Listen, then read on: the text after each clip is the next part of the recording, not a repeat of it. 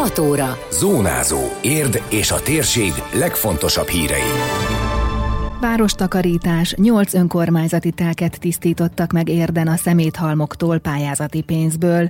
Alakuló ülés, a hetedik ifjúsági önkormányzat elfogadta a költségvetését és a munkatervét. Új rekord, több mint 2,2 millió forintot gyűjtött az Életfa Csoport Egyesület a civil licitán. Ez a Zónázó, az Érdefem 1013 hírmagazinja. A térség legfontosabb hírei Szabó Beátától. Megint kitakarították érdet, város szerte nyolc önkormányzati telket pénteken számolták fel a szeméthalmokat, síthegyeket pályázati forrásból.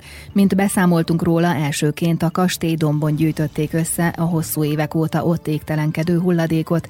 Az érintett helyszínek közül innen vitték el a legtöbbet, 240 köbmétert. Ezen kívül például a Csősz utcából 50, a Gulyás tanya környékéről 60 köbmétert szállítottak el, tudatta az érdi önkormányzat. Összesen mintegy 37 millió forint támogatást nyert a város az innovációs és Technológiai Minisztérium Tisztítsuk meg az országot pályázatán 620 köbméternyi szemét felszámolására. Tavaly szintén kapott ilyen célra támogatást az önkormányzat, illetve három civil szervezet is. A közlemény felhívja a figyelmet, hogy az illegális szemét elhelyezés ügyében a megyei kormányhivatalnak van hatásköre, hozzájuk lehet bejelentést tenni. Az elérhetőségeket megtalálják a város közösségi oldalán, de az érdmost.hu-n is gátat szabni a társasházak szabálytalan építésének. Ez az egyik fő célja az új helyi építési szabályzat kidolgozásának. A legutóbbi közgyűlésen egyhangulag elfogadták a képviselők azt az előterjesztést, amely a hészről szóló 2016-os rendelet teljes felülvizsgálatát, lényegében új hész készítését javasolta. Ez egy nagyon fontos döntés az utókor számára, hiszen a helyi építési szabályzat határozza meg a beépíthetőségi paramétereket, hogy milyen épületek épületeket engedélyezzenek a városban, milyen legyen a város karaktere, legyenek-e magas házak, társas házak, sorolta a Csőzik László polgármester. Kiemelte, szeretnének szigorú szabályozást alkotni, hogy a csendes mellékutcákban ne emelhessenek társas házakat. Az elmúlt tíz évben, és ezt jól tudja a közvélemény, elképesztő módon megnőtt a több lakásos lakóépületeknek a száma, nevezzük társasháznak. Valójában a legtöbb helyen ez nem is társasház, hanem osztatlan közös tulajdonú eh, lakásokról van szó, tehát kihasználják a joghézagokat, néha meg is sértik a jogszabályokat az építetők, és kialakult egy olyan folyamat, amit most muszáj megfékezni, muszáj közbelépni kemény eszközökkel. Ezt szeretnénk most lebonyolítani ezen a hészen keresztül, mert ha ezt elfogadjuk jövőre, akkor onnantól kezdve csak az szerint lehet beadni építési engedélyeket, és az szerint lehet lebonyolítani építkezéseket. Azokba a csendes mellékutcákba, ahol korábban kizárólag családi házak voltak, ne húzanak föl társasházakat, több lakásos épületeket, tehát fejeződjük be, ez egy jelenség legyen eszes mindenkor a vége. Szeretnénk megőrizni a kertvárosi karakterét ennek a csodálatos városnak. A további döntésekről az Érdi újságban és az Érd moston is tájékozódhatnak megtartotta alakuló ülését a hetedik ifjúsági önkormányzat, elfogadták a költségvetést és a szakreferenseket is megválasztották. Ebben a tanévben 600 ezer forintot fordít a diák testület a hagyományos uszodabérlet akcióra, 900 ezerrel támogatják a szalagavatókat és másfél millió forint jut a középiskolák eszköz beszerzéseire.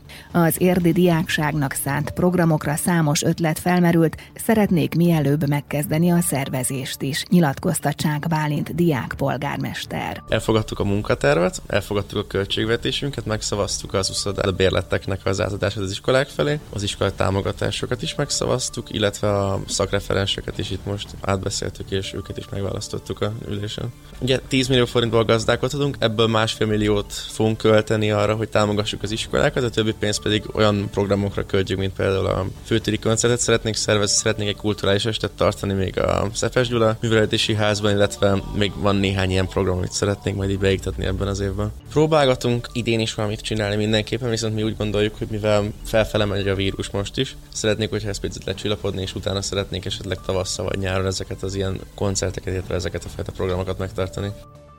Arról egyelőre nem született döntés, hogy mely előadókkal rendeznék meg a szórakoztató programjaikat, ehhez várják a diákok javaslatait is. Emellett a korábbi években népszerűnek bizonyult események is szóba kerültek, fűzte hozzá a diák polgármester. Igazából alapvetően most még nem találtuk, hogy kit szeretnénk meghívni, viszont szeretnénk, hogyha meg tudnánk kérdezni a diákokat róla, hogy kit várnak egy ilyen eseményre, illetve megpróbálunk szakemberekkel beszélni, és az lenne a jó, meg azt szeretnénk, hogyha igazából uh, egy olyan koncertet tudnánk szervezni, aminek úgymond mindenki tud örülni, és mindenki el tud jönni, és mindenki részt tud rajta venni.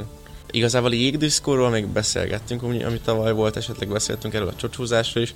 Van nagyon sok ötletünk van, amit szeretnénk megvalósítani. Igazából most még ez csak az alakuló volt, most így igazából megismertük egymást, de hogy uh, szépen lassan majd döntések fognak születni ezekről is. Azt tervezik, hogy még az idén újra összeül az ifjúsági önkormányzat, illetve a jövőben három hetente havonta találkoznak.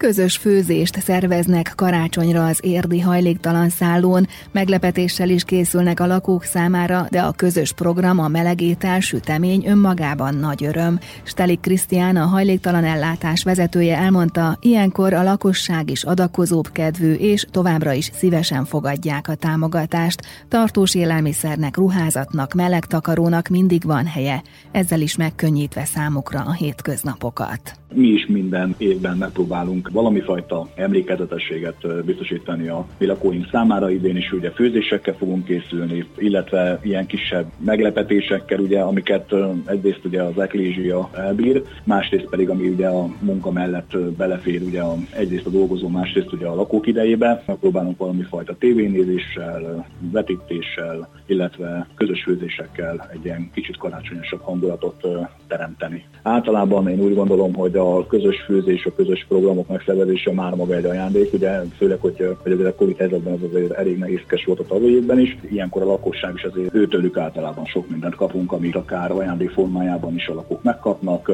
illetve hát ilyenkor azért az adományok azért mindig sűrűbben és gyakrabban érkeznek ebben az időszakban. Most nagyjából 80%-os a szálló telítettsége, de a fagyok beköszöntével mindig elfogy minden hely. A tagintézmény vezető arról is beszélt, hogy nehezebbé vált a bejutás a szállóra, miután megváltozott az erre vonatkozó szabályozás a járvány miatt. Gyakorlatilag, aki nem rendelkezik három oltással, vagy pedig ugye a Jázen egy körben oltott oltóanyagával, abban az esetben PCR-tesztet kell kérnünk az ügyféltől, amennyiben az eltávozása 48 órát meghaladja. Ugyanez vonatkozik azokra az emberekre is, akik újonnan érkeznek intézményünkbe. Az itt a bejutást ez jelentősen késlelteti abban az esetben, természetesen, hogyha nincsen meg a három védőoltás. Azok az esetekben, akik még az utcán vannak, és várható az érkezésük, az körülbelül 8 fő kellett. 80%-on vagyunk most per pillanat, folyamatosan érkeznek be a új ügyfelek. A tél beáltával ugye, ahogy megérkeznek a fagyok, úgy fognak ők is behúzódni hozzánk. Nagyon kevés az az ember, aki az igazi nagy hidegekben nem jönne be. Tehát szinte biztosan várjuk azt, hogy a fagyok beáltával a telítettségünk az 100%-os lesz a korábbi évekhez hasonlóan. Túlszárnyalta a tavalyi csúcsát az Életfa Csoport Egyesület, az érdi civil a sajátos nevelési igényű gyerekeket és családjaikat támogató szervezet volt a kedvezményezett novemberben. Nagyon aktívak voltak a tag családok is, ami szép eredményt hozott. Több mint 2 millió 200 ezer forint gyűlt össze, amit fejlesztő eszközökre, illetve terápiás foglalkozásokra fordítanak majd, mondta rádiónk reggeli műsorában Mészáros Melinda, az Életfa alapító tagja, hozzátéve, hogy az utolsó napon befolyt összegnek másfajta célt szántak. Volt egy olyan akciónk, hogy az utolsó nap bevételét azt a rászoruló családjainkra fordítjuk tartós élelmiszerekkel, szeretnénk támogatni őket. Aki nem tudja, mi ugye esen is gyerekek családjával foglalkozunk, és a gyerekekkel, tehát 455 család már a tagunk. Itt érden a Kálmán utcában van egy fejlesztő napközink, és hát itt a Mórás tanítónénikkel együtt folyik a súlyosan halmozottan sérültek fejlesztése, és hát ide szeretnénk mindenképpen fejlesztő eszközöket vásárolni még, amik hát nyílt titok, hogy igen, csak pénzigényesek, és emellett pedig a foglalkozásainkat szeretnénk finanszírozni, hogy a családok anyagi terheit is könnyíteni tudjuk. A tavalyi civil licites résztvevők között is rekorder volt az Életfa csoport, egy éve több mint másfél millió forintot gyűjtött az Egyesület. A decemberi kedvezményezetről és az adomány céljáról későbbi adásunkban hallhatnak beszámolót. Ajándék a százhalombattai szépkorúaknak, karácsonyi csomaggal kedveskednek a 65 év feletti lakóknak, több mint 3500 idős embernek viszik házhoz a következő két hétben. Akit nem találnak otthon, annak értesítést dobnak be a postaládájába, hogy miként veheti át személyesen a csomagot, tudatta a város polgármestere. Időjárás. Országszerte borús, esős idő várható, a nyugati tájakon kiadós mennyiségre lehet készülni. Az északi hegycsúcsokon havazhat. A szél errefelé nem lesz jellemző, a legmagasabb hőmérséklet 7 fok körül ígérkezik. Zónázó. Zónázó. Minden hétköznap azért efemen. Készült a médiatanás támogatásával a Magyar Média Mecenatúra program keretében.